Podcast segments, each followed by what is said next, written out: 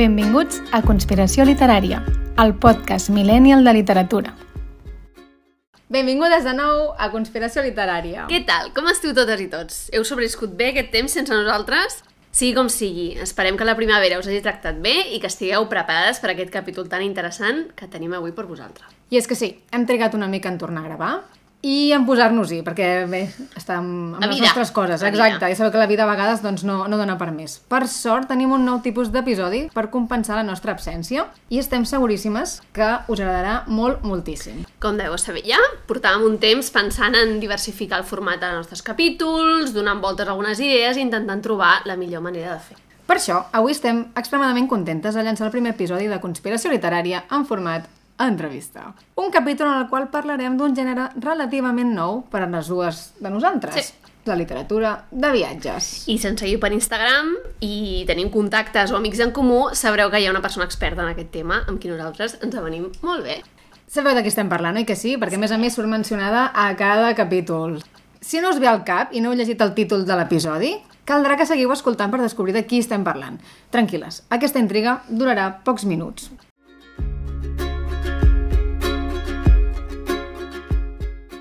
Com dèiem, avui presentem aquest nou format, fem la nostra primera entrevista i tenim la nostra primera convidada, la nostra conilleta d'Índies, diguem. De qui estem parlant, Aina? Va, ja podem dir ja, ja. Esther, benvinguda. Ets la nostra primera víctima. Hola. Quins nervis. No, no, home, no, no. Ja veuràs. No et farem res, no et preocupis. D'acord, merci. Sortiràs viva, sortiràs viva. De moment ja m'heu alimentat, m'heu donat eh, galetes, aigua, sigui, Home, és que aquí els convidats els tractem bé. Això és el mínim, això és el mínim que podem fer per tu. Ver mínim. Esther és, a part de creadora de contingut sobre llibres a Instagram, un amant dels viatges i, per subseqüència, no, per, per unió d'aquests dos mons, de la literatura de viatges. De fet, és el nostre exemple més clar d'enveja sana a les xarxes socials, perquè Sí, tenim és. enveges tòxiques, però ella és l'enveja sana. Sí, tot bé. Ja que sempre, sempre, sempre està, un, visitant llocs xulíssims, i dos, llegint llibres a una velocitat que ni la Clàudia i jo combinades aconseguiríem atrapar-la en algun Bueno, ritme. home, també llegiu molt. No tant com tu, carinyo. No al teu ritme, està clar. O sigui, si, haguessin, si jo llegís el teu ritme, el meu Instagram seria com el teu, però és que és impossible. Me, menys maco, evidentment. Perdó, o sigui... Però, menys maco, però saps què vull dir? Tindria un, cada setmana podria penjar un llibre. No sé com ho faig, no així de clar. Doncs, de fet, ens agradaria començar aquest episodi d'entrevista llançant-te una bateria de preguntes ràpides, com un joc per trencar una mica el gel i anar entrant en matèria. Què et sembla? Estàs ready? Sí, vinga, va. Molt bé.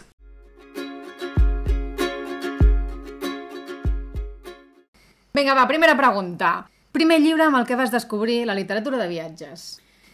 Aviam, el primer llibre va ser un llibre en anglès que es diu Vagabonding, que sí, és, és fatal aquest llibre, Vagabonding? en realitat. Però Vull dir, no té res a que veure... No. És, un, és, és assaig, en realitat. Vull dir, no és, no és per res referència per, per vosaltres per començar a llegir literatura de viatges. Val? És un llibre que el vaig trobar així de casualitat perquè quan vaig tornar de- d'Erasmus a Turquia vaig dir, hòstia, a mi m'encantaria escriure sobre viatges. I vaig dir, però com es fa això? Llavors, aquest llibre t'explica com escriure, com ser travel writer. Oh, Ah! Sona fantàstic, eh? Jo bon Sí, que els títols en anglès sempre era com, t'atrauen. com una Sí. guia bàsica de- d'això, de, com començar a escriure i, bueno, vagabonding significa pues, això, pues, una mica vagar i, i conèixer llocs i tal. Però en tens un bon record. Sí, sí, era el 2013 això. Mm, Déu-n'hi-do, 2013. Sí, 2013. Quin any estem? 2022? 2020. Perdó, és que no... Vale. Sí. Fa... Uh! Sí, sí. I és, és, és assaig, vull dir, no és eh, el que llegeixo ara. Val, Però ok. bueno, bien. Bé. Molt bé. Ah. Següent pregunta. Autor preferit o autora d'aquest gènere? Vale, bueno, hm, d'aquí no, no puc dir només un, vale? Diré així ràpid. De, de homes, Martín Caparrós, Califàtides Home. i Jorge Carrión, referència mm, màxima. I de dones, mm, moltes. Maria Belmonte, és mm, boníssima. Eh, Mary Montagu, Jen Morris, mm, la Patricia Almarcegui també. Hi ha un... És que les dones escriuen molt bé, també. No patiu que tots aquests noms els posarem a la, a la caption del, de l'episodi, sí. val? perquè ens recordeu. Sí, perquè jo m'estic quedant en plan com si em parlessis en, xi- en xinès mandarí oriental de l'est. Quantes coses heu de descobrir, madre Sí, mia. estem tots molt verge d'aquí. Per això estem aquí. Exacte. Aviam, aviam, espérame, seguim. Tercera pregunta. Un destí del qual podries llegir tota la literatura publicada a vida i por haver. Òbviament, Turquia. Yeah. ¡Qué sorpresa! Nadie se lo esperaba. Ningú, ningú. ¡Qué sorpresa, Sí, Esther! Turquia i Grècia, diria. Mm. Jo molt sobre, sobre Grècia, també. Mm. Okay. Un lloc on hagis descobert gràcies a un llibre literatura viatges. Eh, la Indochina. amb, amb un llibre que es diu Viaje al Mekong, que no he estat mai i llavors pues, ho he descobert amb, amb els llibres. Mm, sexy, D'acord. això. Mm, el teu títol eternament pendent de l'elite de viatges. Vale, aquest és un títol, un llibre que tinc a les estanteries de fa molt de temps, que es diu Roumeli, eh, o sigui, el títol és Roumeli, i és, està escrit per Patrick Leigh Fermor, que també és un crac de la literatura de viatges, per lo que jo he llegit sobre ell. No he llegit res que hagi escrit ell. Però bueno, aquest, aquest home és un referent també. Eh, va viatjar des al 1933, se'n va anar des de Londres fins a Estambul caminant. Què? Sí, Uf, sí. quin mal de peus. Ma, molt mal de peu. Hi ha una trilogia que ara no recordo com es diu al, als llibres, però explica tot aquest, aquest eh, periplo molt heavy. Molt Wow. heavy. Patrocinada per Compit Ampolles, Sí, no? sí, sí. I aquest, aquest llibre que us dic, Romeli, és de Grècia, perquè ell va viure un temps allà també. Mhm. Home, ja que hi vas caminant i tal, Pues t'hi ja quedes, quedes. no? Home, per, poder, per poder pots, si aquest senyor ho va Sí, sí, fer. molt Jo crec que està bé. Allò quan surts Google Maps, busques com anar-hi, però Ja, ja, dones ja, l'opció de caminar. Ah, doncs, sempre t'ofereix, eh? Se- Sí, per si t'atreveixes. Pues aquest home ho va fer. I sense Google Maps, pobret senyor. L'últim llibre és llegit d'aquest gènere. Mm, L'estic llegint ara, es diu Una viajera por Asia Central, que també és molt xulo, és de, és de la Patricia Almarcegui i molt, molt guai. També és una zona que no coneixia, o sigui que molt interessant. En parlarem de central, eh? Sí. Última pregunta. Una sola llibreria. Impossible. Una sola llibreria on quedar-te a viure. Ostres, on quedar-me a viure? Bueno, va, seré fidel a, a Gràcia, al barri, Ai, ah, fem barri, fem barri. la llibreria Guia. Eh, és la llibreria de viatges de referència del barri. Mm. És que us diria l'Altair, perquè és molt gran. És molt gran. Però la llibreria Guia és petita, però té molts bons títols, aleshores. Té mèrit. Vinga, Vinga, va. Sí. Ah, m'agrada. Sí, sí, M'agrada. Estem fent boca ja, eh? Per sí el capítol. comencem a introduir, sí, sí. Em sembla molt interessant.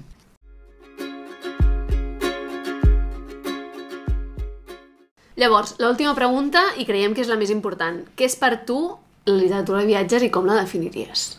Vale. Doble Bueno, pregunta. Aquesta pregunta és una mica complexa.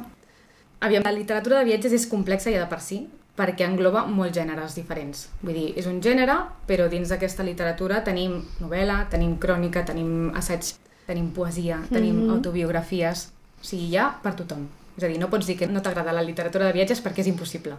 Vale. Eso para empezar. Vinga. Això ja pinta bé. Llavors, per mi, i, i perquè les persones que els hi desperti curiositat ho puguin entendre, és bàsicament el recull d'una experiència eh, personal entorn a un viatge. És la recerca de la veritat, o tredat, es diu en castellà. Alteritat, en Sí, català. no? I és a dir, és trobar allò que, que desconeixem, no? trobar allò que és diferent a nosaltres a, a, a on vivim. I és el que busca la persona quan viatja. I la literatura de viatges no és més que relatar aquesta experiència. La literatura de viatges també té un punt que és, és curiós perquè no només és el fet de moure's, de desplaçar-se, sinó que hi ha llibres, hi ha un llibre en concret que es diu Viaje alrededor de mi habitación, que és d'un noble francès del segle XVIII, que el tio va agafar, el van condemnar a presó, però com que tenia aquesta condició de noble, doncs al final van fer un arrest domiciliari i es va quedar 42 dies a casa seva. I el tio va agafar i va parodiar la literatura de viatges, va escriure la seva experiència de viatge mental a dins de la seva habitació durant 42 dies. I això, Això també és- es considera literatura de viatges. I llavors Otessa Mosfeg va treure Sí, sí. Eh, mi, Mi año de- mi año no? de... Com es diu? Pues sí, em té vibes, eh? Mi año de Sí? reposo i relajació. Ah, Exacte, ara ho has gràcies. fet, gràcies. Mm, Uh, sigui, tengo miedo. Per això que vull dir que la literatura de viatges és, és un, té un punt de... Eh, vamos a meterlo ahí todo, saps? Perquè un viatge mental també significa un canvi, significa... Saps? O sigui, jo Que és, dic, és molt ambigu. és molt complexa. Sí. Interessant. Sí. De fet, una de les últimes lectures del capítol d'avui, precisament, i era un dels dubtes de la podríem incloure dintre la categoria? Ja arribarem, Doncs ja sí. arribarem. Ja arribarem, Ja ens donaràs el sí. teu, el teu veredicte, Vale. el teu vistiplau, per poder-la afegir a la categoria. coneguis. Que fort. De fet, nosaltres sabem que gràcies a, al blog de Travel Tester, que probablement el primer escriptor de viatges de la història en si va ser l'autor grec Heròdot, que va viatjar per tot el Mediterrani oriental a mesura que escrivia entre el 450 i el 420 abans de Crist diferents registres en paper que avui dia ens serveixen com una mica com a testimoni de les seves tradicions antigues no? i de la situació política, geogràfica i dels enfrontaments entre diversos pobles que es coneixien a, a l'actual Grècia, Àsia Occidental i el nord de l'Àfrica. Un altre escriptor o viatger ben famós que coneixem és Marco Polo, que va relatar, o algú va relatar per ell, el seu viatge per la Xina i l'imperi mongol a l'obra El Milione, o Els viatges de Marco Polo, que està escrit el 1298. Tot i que pels mateixos temps, durant la dinastia Song, que va regnar el territori de l'actual Xina en 960 al 1279 després de Crist, la literatura de viatges va popularitzar sota el nom Youji Wenshui, que es traduiria literalment com a literatura de registre de viatges. Autors com Fang Chengda i Yu Xiaque van començar a incorporar informació geogràfica i topogràfica als seus escrits a mesura que viatjaven. I el poeta japonès de haikus Matsuo Basho va escriure la història Oku no Hosomichi, traduïda pel litoral Satori Libros en castellà com Por sendes de la muntanya, a la segona meitat del segle XVII. En aquesta obra, Basho parla dels llocs visitats durant el seu viatge i la seva experiència personal durant la travessia.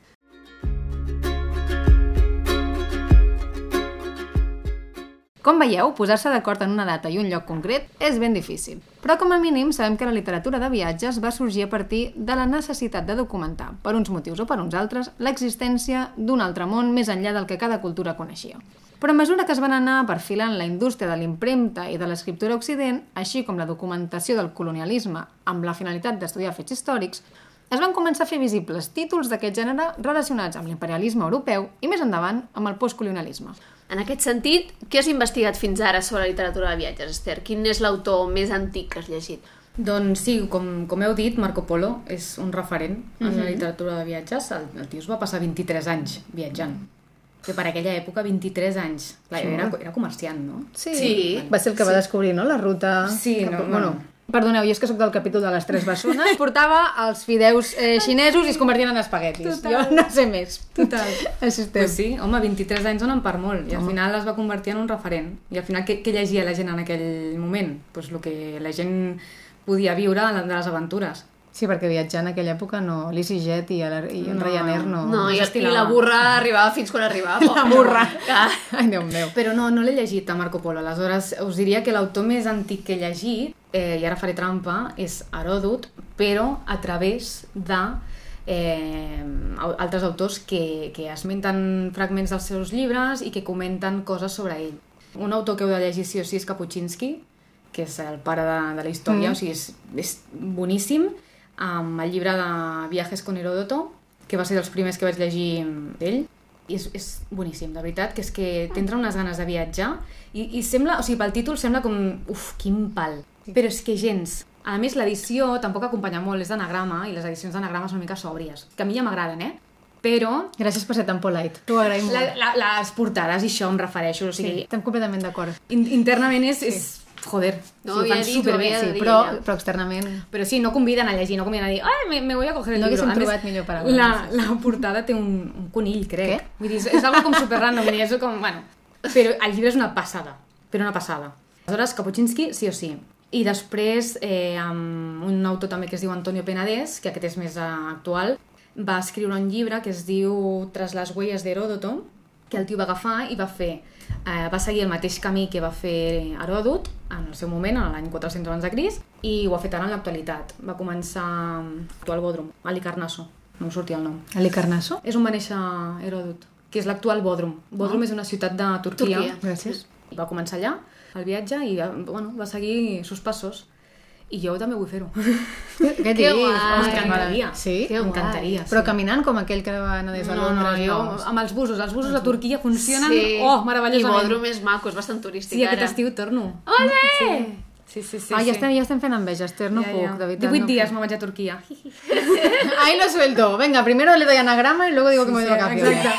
Estupendo, voy como una reina. Això funciona així. Mío, de verdad. Sí, Heròdot és, és important llegir-la. I si ho fas a través dels ulls de- d'altres autors, Home. doncs és, és magnífic. T'ajuda més fer-ho a través d'algú que Ho l'ha fa més treballat. fàcil. Sí, és que mm, si no pot ser una mica... Eh, sí, També lingüísticament parlant. Ah, exacte, sí. Bueno, és com llegir tirant-lo blanc a, a pelo, no? Sí. Bueno, ens ha tocat, no? Eh, no obrirem aquest meló, no. però ja m'enteneu quina és la dificultat. Desafortunadament, i com hem mencionat per sobre, la literatura de viatges està capitalitzada per persones blanques, per ser més concretes, per homes blancs heterosexuals que van a veure món, un món no civilitzat, o almenys no tant com aquelles persones que el visiten. Al cap i a la fi, l'escriptura de viatges tal i com la coneixem té una història específica clarament relacionada amb el colonialisme. I malauradament, aquests vestigis encara estan presents a la societat del segle XXI. Totes hem sentit a parlar de Joseph Conrad, de Jack Kerouac, etc. aquest gènere en format contemporani encara s'assembla massa a un format que recorda les notes de camp de colonitzador dels segles passats, tipus David Livingstone.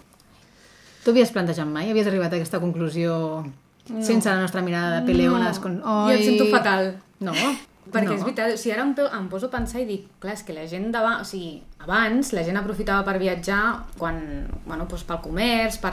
Clar, les persones que feien això eren blancs. Vull dir, Que les es persones negres eren esclaus. Mira, les comerciades. Exacte, Sí. I, i òbviament no escriuran literatura de viatges de, hòstia... D'esta man- jaula a la otra. Clar, d'este bar... Ja. home, no. Aleshores, llegir sobre això, doncs no, tampoc seria massa agradable. I, no. Però amb aquest aspecte de, de ser una mica inclusiu, eh, també vull dir que sí que intento llegir més dones. Que ja sé que no és el mateix, Bueno, però sí que és veritat que també és, és sabut no? que pels homes és més fàcil viatjar. és. Sí És- és, segueix sí sent. és. Sí és. Segueix sent, aleshores eh, intento llegir dones. Sí, és que en aquest camp és una mica perquè hi ha dones... complicat. I, I antigament, eh, al segle XVIII, Mary Montagu, per exemple, era la, la dona de- d'un tio que va ser eh, ambaixador, a, no sé si d'Anglaterra, a Turquia. I se'n va anar a Turquia i va escriure cartes des d'Estambul, que això és un, mira, un altre gènere eh, Epistolar. epistolar, Mhm. que també podeu llegir literatura de viatges a través de les cartes. I aquesta dona va aprofitar i va dir pues ara explicaré la meva visió sobre la cultura turca i la gent amb, amb cartes. I això és del segle XVIII. I és molt interessant aquest llibre. Està superbé. Mm, m'interessa.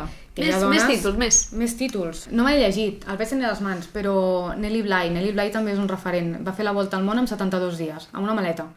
Va dir, me voy. Uf. Sí, sí. I em sembla... És que ara no me'n recordo, és que això m'ho van explicar al curs de narrativa de viatges que vaig fer el primer de tots, que vaig fer a la pandèmia. No sé si estava com competint amb algú altre, ara no me'n recordo, però, però sí, sí, la tia És bastant collons- probable, no? Sí. Una cosa que I és va fer la volta al món en 72 dies.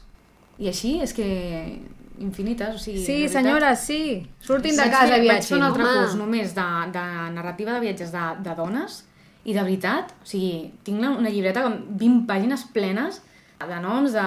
De punts, no? Sí, sí, molt heavy. Vigila aquesta llibreta, que no te la trobi jo i me la quedi. Està ben guardada.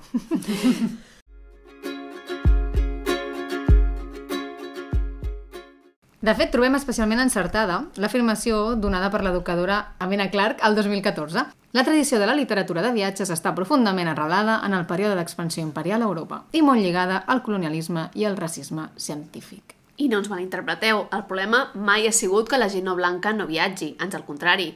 Però creiem que sí que hi ha d'haver una feina d'escolonitzar la literatura de viatges, de redefinir el que entenem en aquest terme i incloure-hi diferents contextos de migració i d'història sobre identitat que produeix aquesta experiència. I per aquesta raó hem volgut ser molt cuidadoses de seleccionar diferents obres per a aquest capítol. Comencem parlant d'un autor que podríem encabir a la secció que tant ens agrada de senyors entranyables. Sí, ens encanten. Parlo de Theodor Kalifatides, un escriptor suec d'origen grec i autor, entre d'altres, del llibre Mares i fills. Aquest títol en qüestió és el que he escollit per introduir-lo en aquest capítol. Abans de parlar de la sinopsi del llibre, explicar-los que Theodor va abandonar Grècia amb 25 anys i es va instal·lar a Suècia. Allà va començar a estudiar filosofia a la Universitat d'Estocolm i un cop graduat va començar a exercir de professor d'aquesta matèria a la mateixa institució. El 1969 va començar a escriure, publicant un primer llibre de poesia. I des de llavors ha sigut un escriptor bastant prolífic. L'hem escollit el primer perquè aquest Sant Jordi, l'Ester, el va conèixer en persona. Com va anar? Noi. Com va anar? És que, és que jo estic enamorada. Momento M'he fangirl. enamorat d'un home de 80 i pico d'anys, així de clar. Ojo, a ti te gustan mayores, dijo que sí. ¿Lo saben en tu casa? Todo bien. És Ai, molt meu. fort, és molt fort el d'aquest home. Vaig, res, vaig parlar amb ell 5 minuts només, però...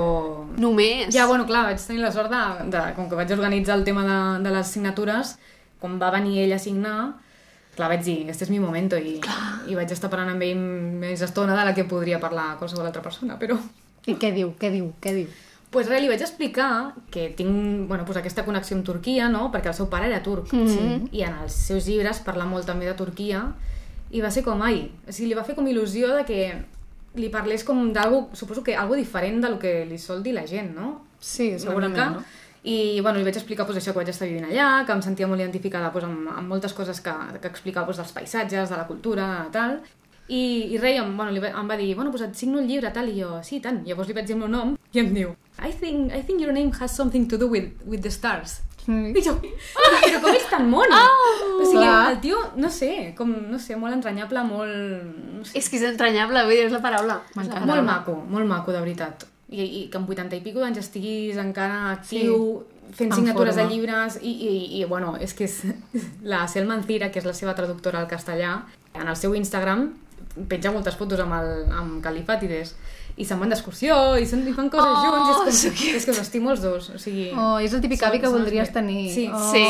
jo, vull, que, jo vull tenir-lo d'avi que m'expliqui tot això que expliquen els llibres però en persona Allà a la, a la sí, butaqueta sí, amb la manta de quadres i la llar Les de foc. les de llegir, Aina. Ah, ja ho sé, ara No, m'estava és que no l'has llegit. No, no l'he No, llegit. No, no, no, no. Mare de Déu, senyor. No, no, me'l vaig llegir jo. Aquest. Jesus. Christ. Doncs l'obra de Mares i Fills, que de fet vam descobrir a l'Instagram de l'Ester, comença amb Theodore tornant a Grècia a veure la seva família, en particular la seva mare, a qui defineix com la seva pàtria. Que us estimo. Durant la seva visita a Grècia, que dura una setmana, en Theodore va notant el que va fent, aportant reflexions sobre què és el que el fa grec, sobre la seva identitat complexa, grec i suec a la vegada, els records generacionals de la migració, ja que el seu avi va ser migrant, com hem comentat, era turc, el seu pare ho va ser i ell mateix ho va ser, tots tres per circumstàncies històriques o personals diferents. La novel·la de Mares i Fills és una lectura molt tendra sobre els dies que passa l'autor a casa de la seva mare, rememorant anècdotes familiars amb ella, amb el seu germà i amb d'altres familiars que visiten i les memòries que va deixar el seu pare escrit abans de morir. Què et va semblar tu el llibre, Esther? Aquest llibre en Em va encantar. O sigui, jo vaig llegir... El primer va ser Una altra vida encara. El segon va ser aquest de Mares i Fills i vaig pensar, dic, aquest deu ser el seu millor llibre. Però, entonces llegó. Timandro. No, El passat no és un somni. Ah, El de Timandra encara el tinc pendent. El passat no és un somni és com la seva biografia, però amb tot lujo de detalles, o sigui, espectacular. Parla de tots els seus amors, de, bueno, de com va arribar ell a, a retrobar-se amb els seus pares quan tenia 7 anys, de la mà del seu avi. O sigui, és tendre, mm, increïble. Mm. I t'ajuda a entendre molt bé aquesta setmana què va passar amb la, amb la seva mare. Mhm. O sigui, en, aquest Dóna més context. Sí, la, el llibre de Mares i Fills explica eh, dia per dia no, el que Sí. va passant en aquesta setmana. I em va semblar preciós que fes aquest, aquest recull de memòries perquè és que això, o sigui, això li quedarà per ell, pels seus fills, pels seus nets i, i, i per tothom que el vulgui llegir, clar. Totalment, o sigui, és compartir la història de la seva vida de la millor manera possible, és que a més és que escriu mm, increïblement Sí. bé. I la Montserrat Camps, almenys en català, fa en molt català- bona feina. Sí, també. molt Jo l'he llegit en català i en castellà, també. I les dues traduccions són, és que són espectaculars. Jo crec que això també és de, és de valorar, perquè Mm. Sí. si no, no, no ens arribaria igual.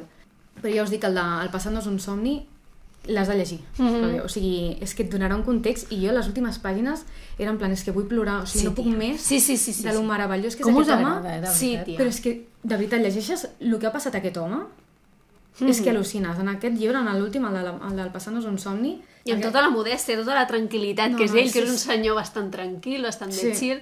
És que s'ha d'aprendre d'aquest home. Sí. O sigui, ja està. No És una lliçó de vida, res aquest més, senyor. Sí. S'ha de llegir, i ja està.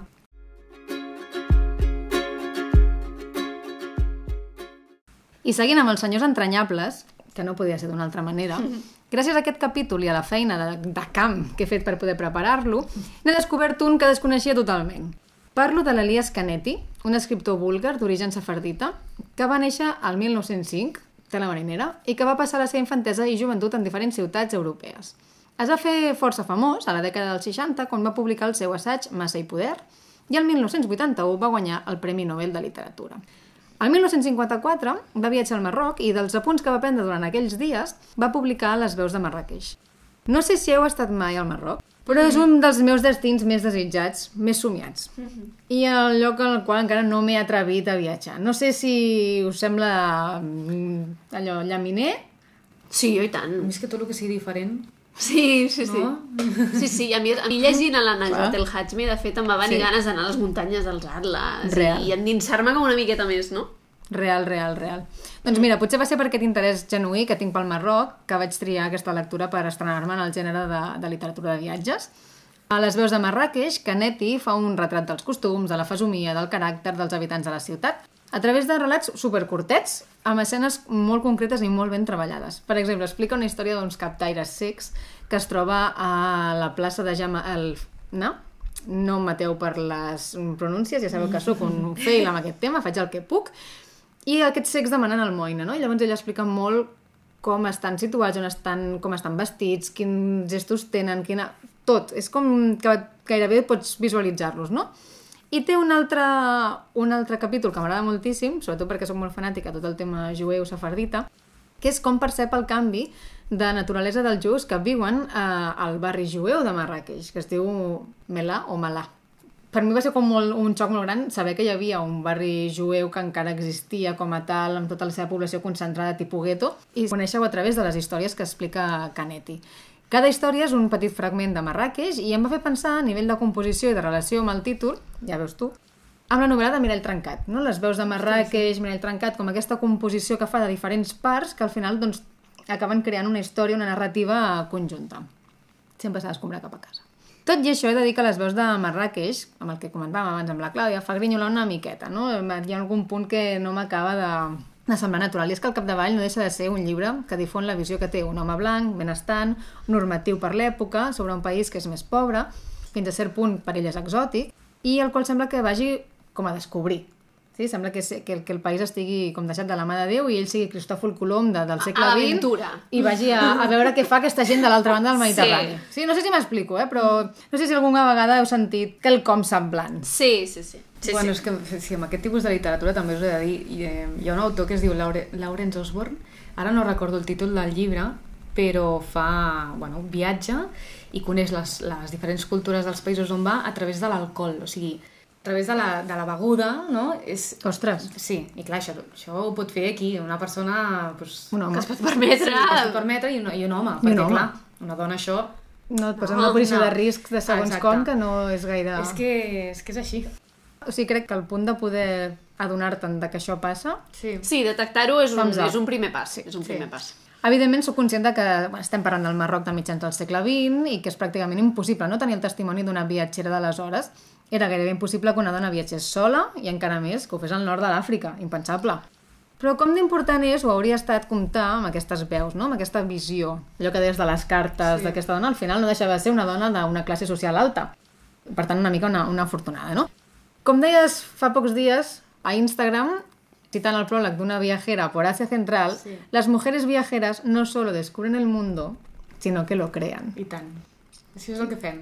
Donar una visió diferent. Total. Si haguéssim tingut la visió de les dones que han viatjat, si el món l'haguéssim, entre cometes, descobert les dones, si segons quines regions haguéssim arribat les dones primer, Home, tantes guerres no hi haguessin hagut, ja us ho dic. No.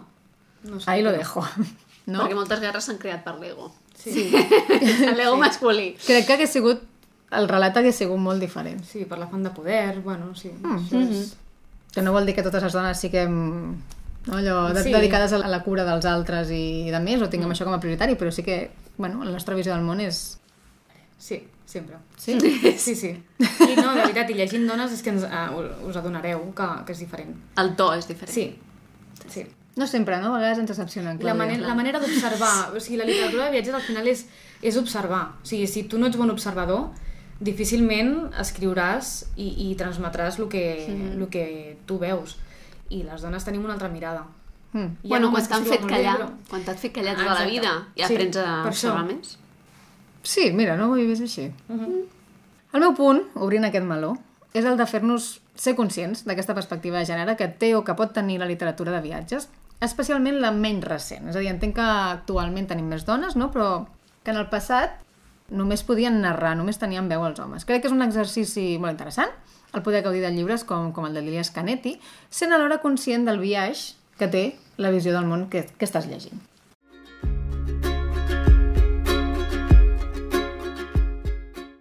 Ara ha arribat el torn de parlar d'un llibre que no només he d'admetre que no m'ha agradat, sinó que activament no he volgut acabar i que ha acabat al calaix de Do Not Finish d'inacabats Goodreads. Però l'opinió vindrà més endavant.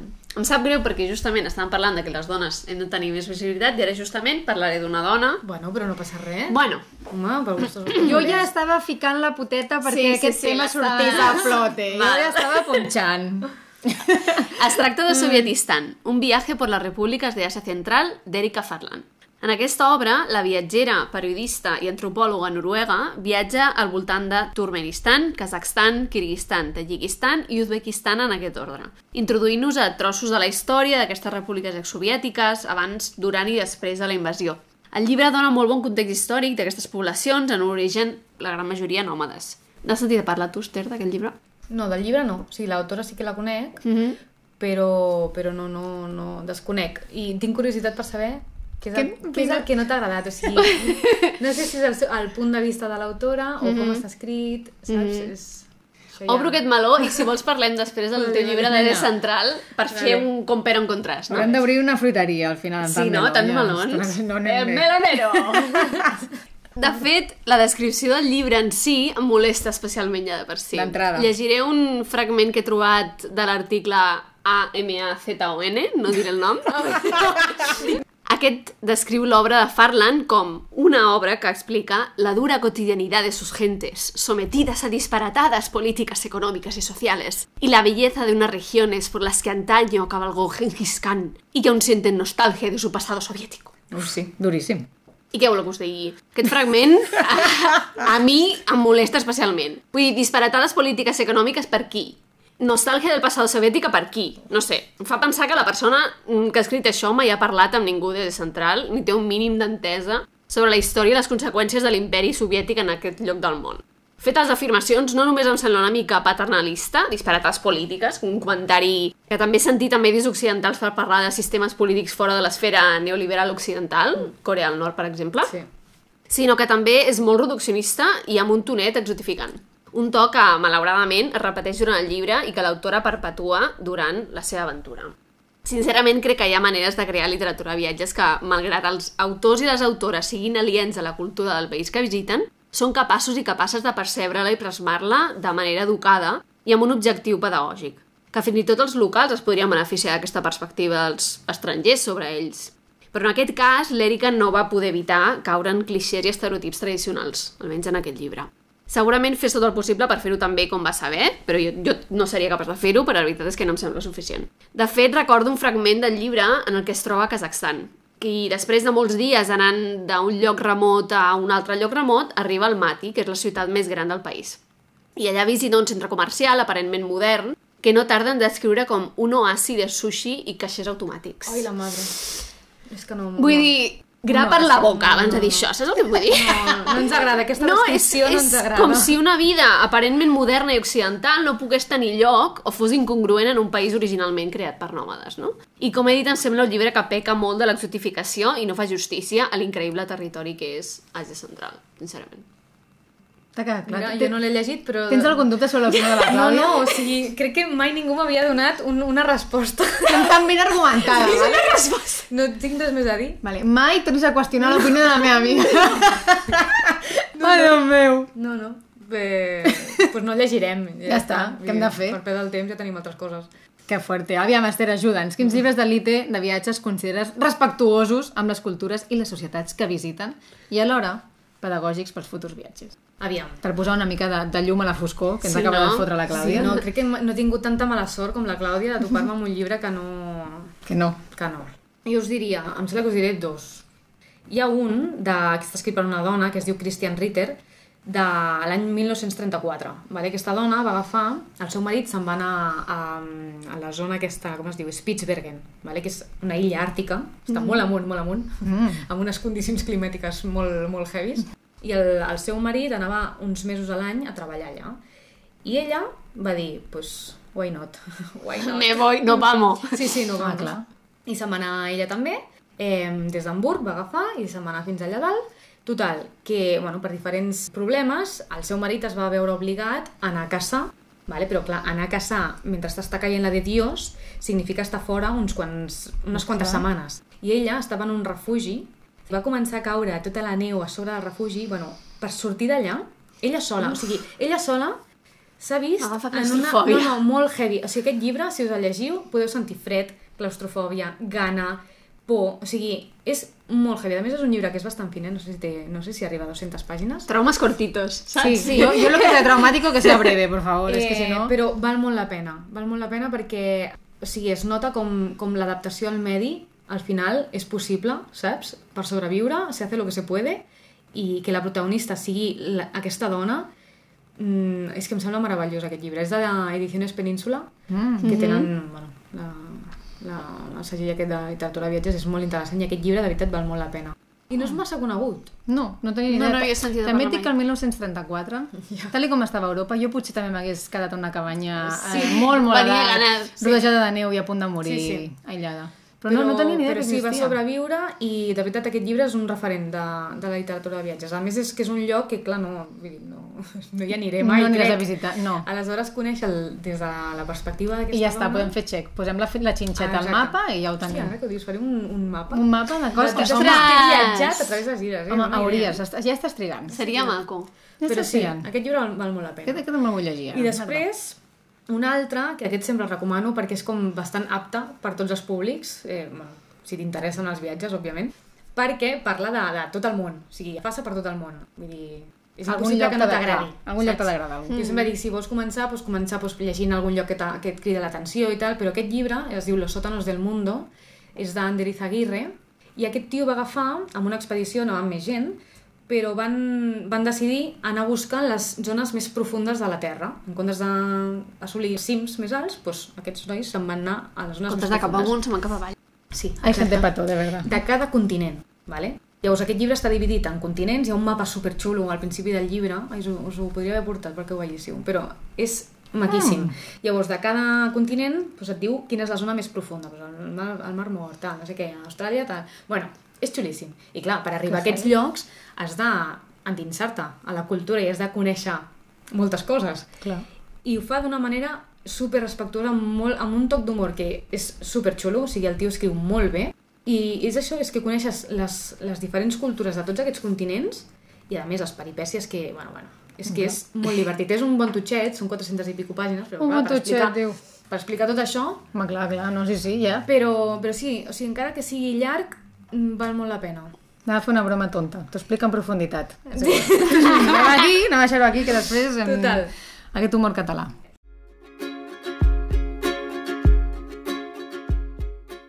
I per al llibre pedagògic, Les niñas buenas no van al polo sur, de la Lee Barnesen. Crec que aquest títol és un complet desconegut, però de fet crec que avui el capítol sencer està sent de títols que no coneix ni Rita, amb qual extra feliç. Però jo ho dic bàsicament perquè no l'havia vist mai, mai, mai a cap llibreria de Barcelona i Rodalies. Entiéndase Rodalies com a Terrassa, capital del Vallès Occidental. Vale? No, tinc, no tinc res a dir. Única. Ja està.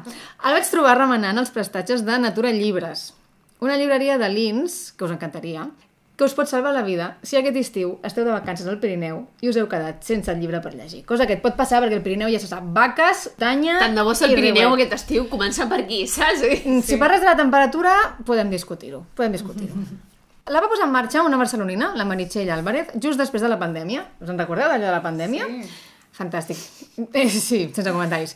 Sense voler-ho, o potser era aquesta la seva intenció secreta, la Meritxell va aconseguir crear un temple de la cultura i de la lectura sobre la muntanya i la natura al cor de la Vall Ferrera. Quin projecte més guai. M'ha quedat preciós. Bueno, el local és brutal. He de dir que no m'ha pagat ni un duro per fer aquesta magnífica review que li estic fent a la llibreria de Lins. Senzillament estic eternament agraïda d'haver-hi trobat el diari de viatge de la Barnesen i diré, bueno, xata, i qui és aquesta dona? Aquesta dona és una educadora, esquiadora d'esquí nòrdic i guia noruega. No podia jo no parlar d'algú dels països nòrdics, que s'ha reconvertit recentment en una conferenciant motivadora gràcies als èxits de les seves travesses polars i de les seves aventures aixelebrades, perquè no he trobat un altre adjectiu més adient. A què em refereixo?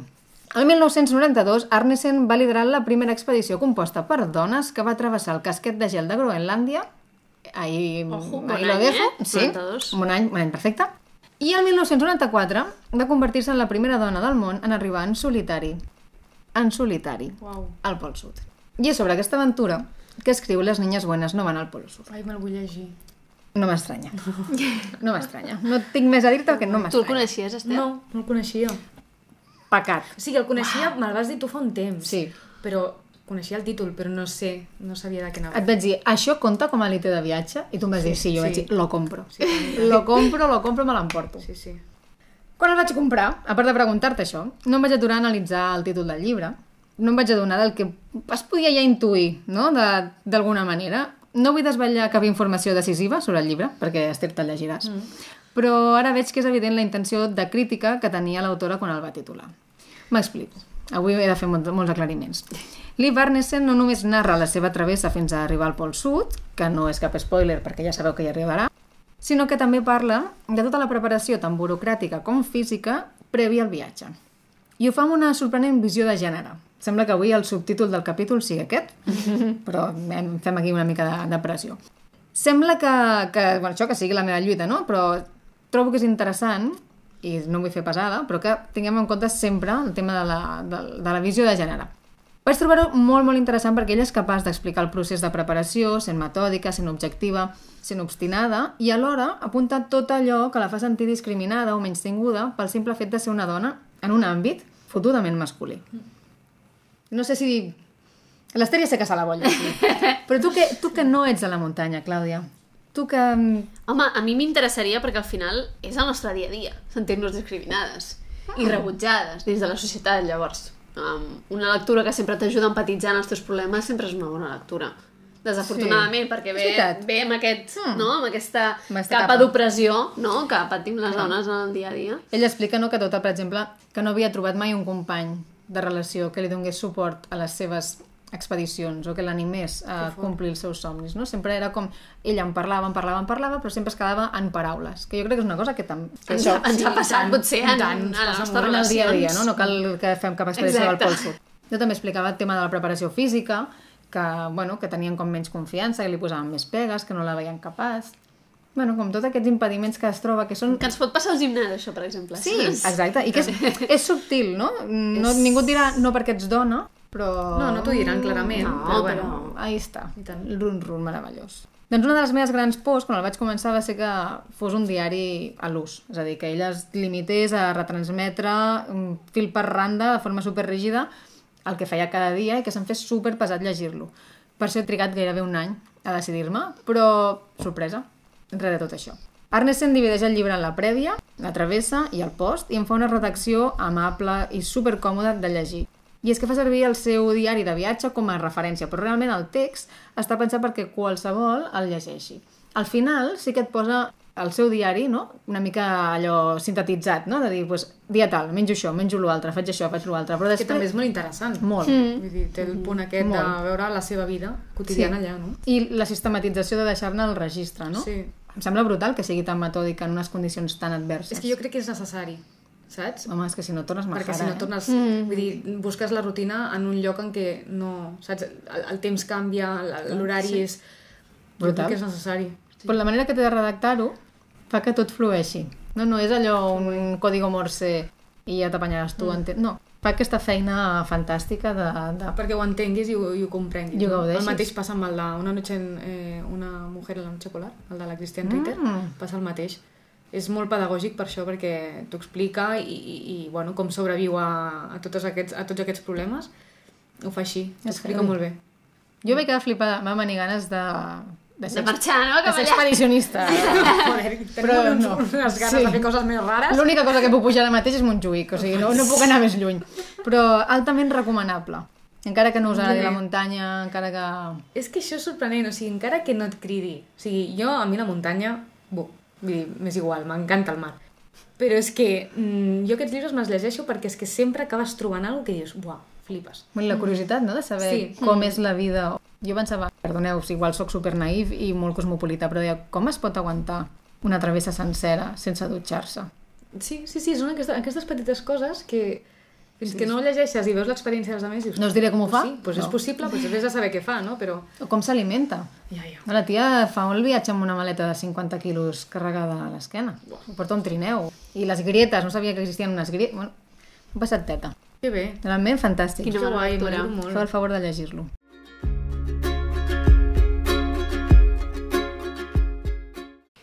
Doncs l'últim llibre que m'he llegit per aquesta ocasió és La vida sin maquillaje de Maris Condé. No sé si coneixeu la- l'autora. Bueno, tu sí que la coneixes. Jo la no conec. que no. Clar que sí. Qui? Ara ho dirà. Ara, ara ho descobriràs. Condé, per les que no la conegueu, entre vosaltres dues, és una escriptora antillana, més concretament de l'illa de Guadalupe. Va néixer a una comuna francesa, a la capital, a Pointe-à-Pitre, amb uns pares burgesos i francòfons, i va viure una infància molt allunyada de la realitat socioeconòmica del seu país. Als 18 anys va mudar-se a París per estudiar a la Universitat Sorbonne Nouvelle, on més tard va exercir com a professora. Durant aquest temps va estar casada en dues ocasions i va tenir criatures. De fet, el tema de la maternitat i la seva visió tan particular d'aquesta és un tema recurrent a la seva obra. De fet, a varis fragments parla de com no va ser una mare gaire atenta amb les seves criatures o com se l'etiquetava per part dels seus cercles socials i per ella mateixa com una mala mare.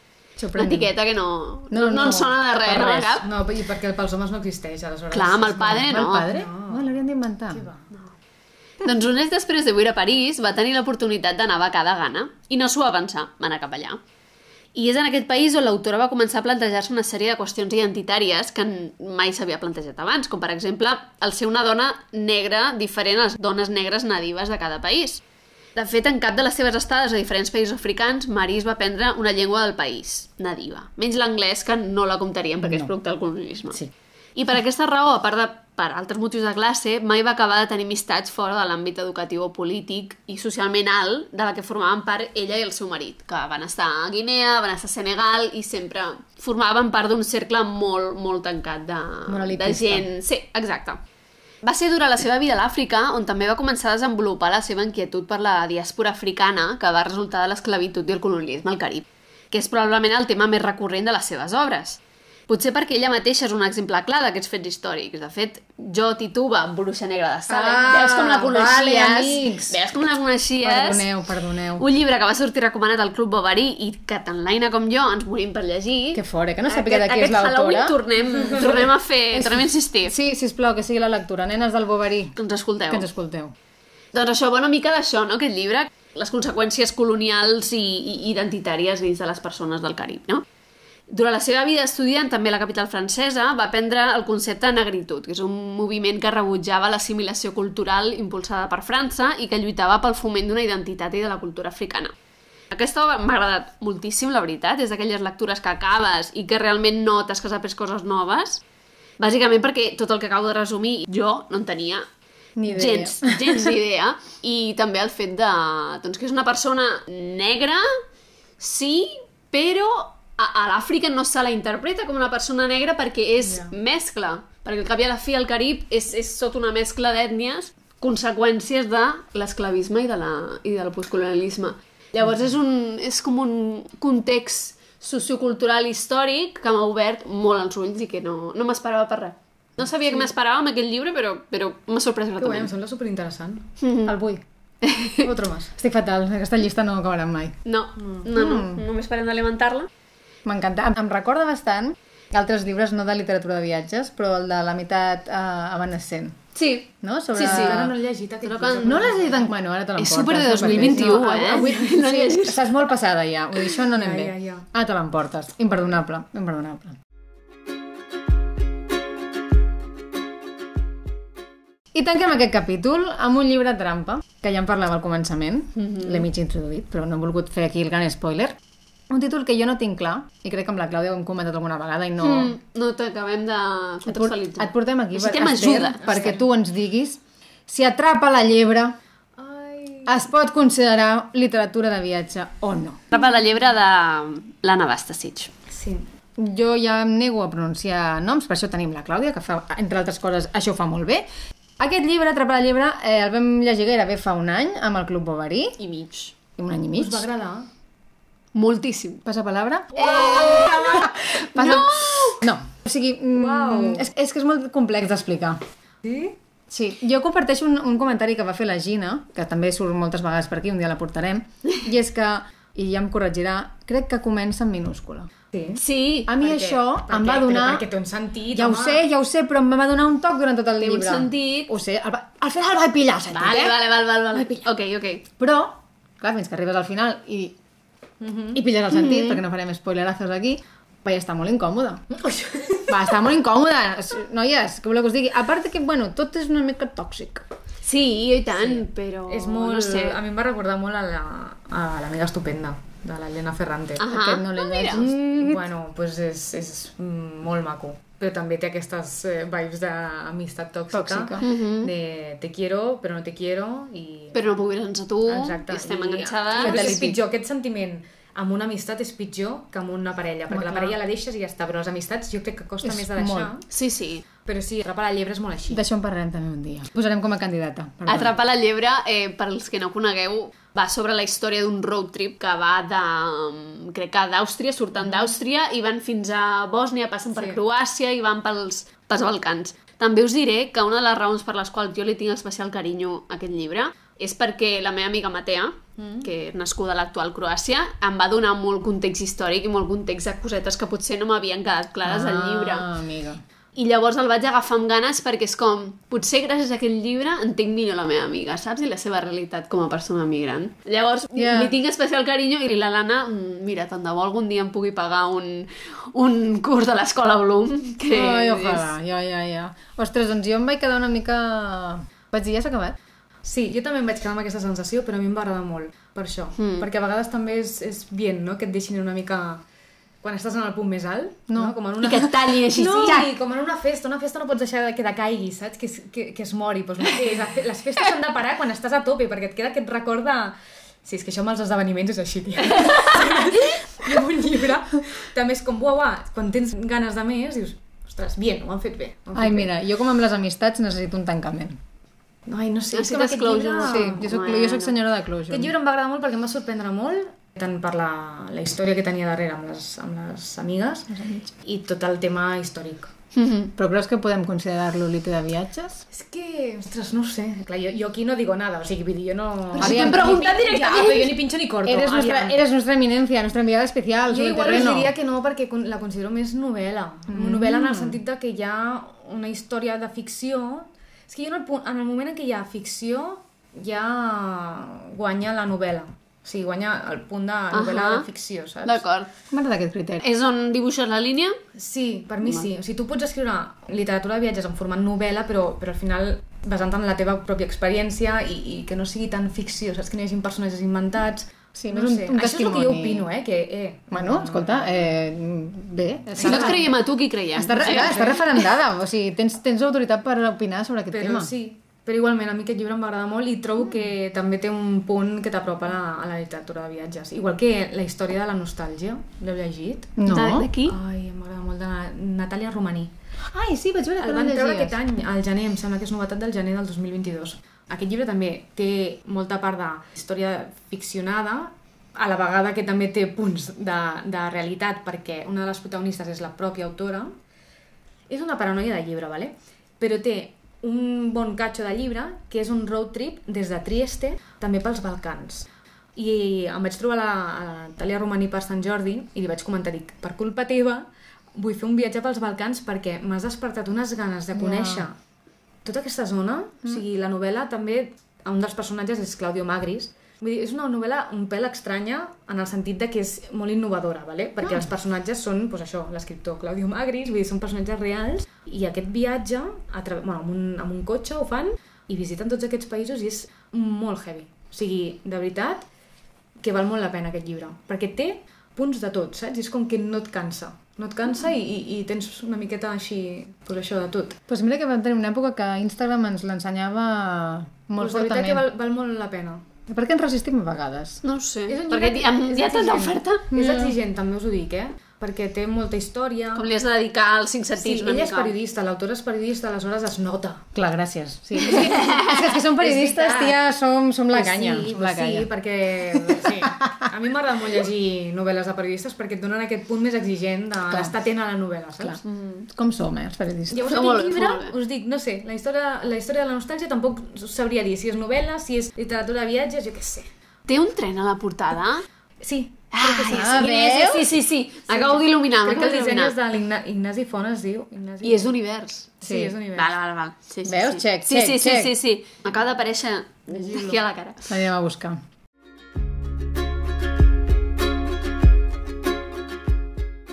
Vinga, va, per anar posant punt i final al capítol d'avui, dues últimes preguntes. a la nostra estimada convidada, que tenim aquí victimitzada. I és que hem mencionat infinitat de títols, haurem de fer una escolta activa profunda per poder llistar-los tots, i per algú que sigui verge, verge, verge en aquest gènere, tot això pot semblar una mica caòtic. En plan, per on començo? Què faig amb la meva vida? Què li diries a algú per convèncer-lo de que s'atrevís a llegir literatura de viatges? Bueno, primer tenir interès en, en els viatges. Vull dir, una persona que li agradi viatjar, vi- viatjar em refereixo a fer turisme. Vull dir, en esta època és molt difícil viajar. Sí. No? Eh, sí, conèixer altres països, t'agrada llegir i viatjar i ja està. Ja ho tens. Ja ho tens. Sí, que no li Primer faci pas. por que sigui molt feixuc, perquè és que ja us dic que hi ha llibres de tot. Et pots trobar una crònica amb megadetalls històrics o algú més senzill. Pues això, un gènere epistolar, igual és una bona opció. Perquè són cartes, perquè són fragments curts. Un gènere epistolar podria ser... millor. Sí. I quin títol li recomanaries? Mulla't, Esther. Ara, ara t'has de mullar. Per una persona així virgencita. És que clar, és que Los sótanos del mundo és molt llarg. Sí, jo crec que con 300 pàgines ara mateix, no? S'ho deixen a qualsevol. No, doncs mira, igual aquest de Una mujer en la noche polar pot ser una bona opció perquè és curtet. Eh, si no... És que estic pensant, però és que són... Mira, hi ha un, ara estava pensant, de Martín Caparrós. Martín Caparrós és un autor argentí que bueno, té molta presència aquí a Espanya. Fa moltes coses amb, amb Jorge Carrión, que és un dels referents de, de, tant dels viatges com de... Bueno, és molt bo escrivint cròniques i, i sobretot coneixent i descobrint llibreries. Si visiteu el seu Instagram, el del Jorge Carrión, Ah. aquest home bueno, té un llibre que es diu Llibreries i parla de totes les ojo, llibreries del món. sap, és, és, és, és increïble. Home. Doncs Martín Caparrós té un llibre que es diu Una luna i és crònica de viatges però amb petits fragments i explica les seves anècdotes en diferents viatges. I això està molt bé perquè és un llibre curtet i sí que és veritat que és com molt variat i per introduir-te en el gènere podria estar bé. Pot ser una bona Sí, opció. és d'anagrama. I és, bueno, és publicat ja fa bastant de temps, igual mm. -hmm. costa una mica de trobar, però sí, és una bona opció. Mm, M'agrada. Molt bé. Ara ja ens hem iniciat nosaltres, però mai he Sí. estat per llegir... Ja no? posat un peu, doncs ara el segon peu. Exacte.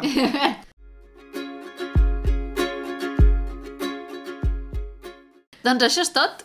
Aquest ha estat el nostre primer capítol d'entrevista amb la nostra primera víctima i estem molt fortament agraïdes a l'Ester, evidentment, al nostre conillet d'Índies, per tot el que ha portat altruistament al, al podcast sí. Gràcies a i, vosaltres. i per l'estoneta que t'hem robat. Sí, ha estat un plaer tenir-te aquí, poder xerrar i descobrir en profunditat l'univers de la literatura de viatges, o sigui que moltes gràcies. Yeah. I fins aquí aquest capítol. Recordeu que seguim actives, com sempre, a Instagram i a través de la nostra newsletter. Moltes gràcies per escoltar-nos I a conspirar! I us recordem que podeu seguir-nos a través d'Instagram o bé us podeu subscriure a la nostra newsletter. Us esperem en el proper episodi. Fins aviat!